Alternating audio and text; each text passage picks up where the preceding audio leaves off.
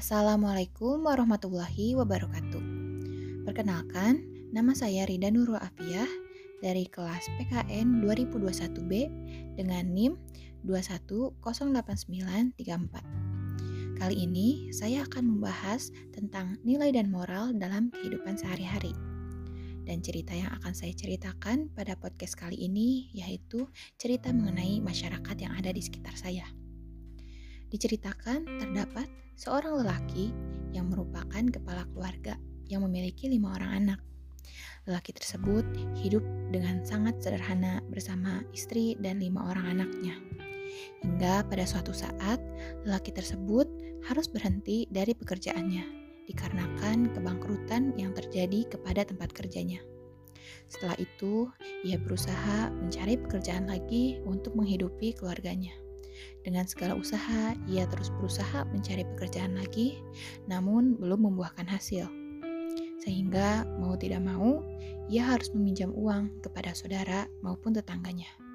Karena rasa iba dan juga karena lelaki tersebut selalu bersikap baik kepada para tetangga dan saudaranya itu, mereka pun memberikan pinjaman uang untuk menghidupi keluarganya sementara waktu hingga ia mendapatkan pekerjaan baru.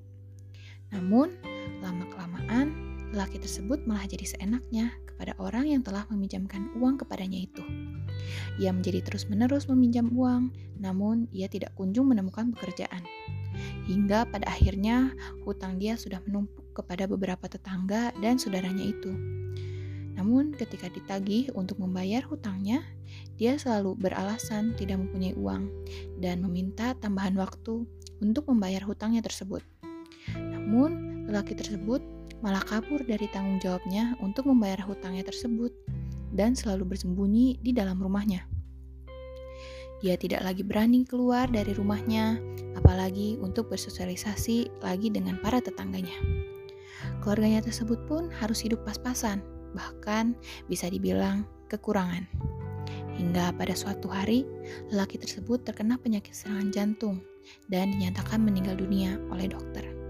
Pada saat hari kematiannya akan diumumkan di masjid, banyak warga yang tidak mau dan juga tidak banyak warga yang datang melayat ke rumahnya.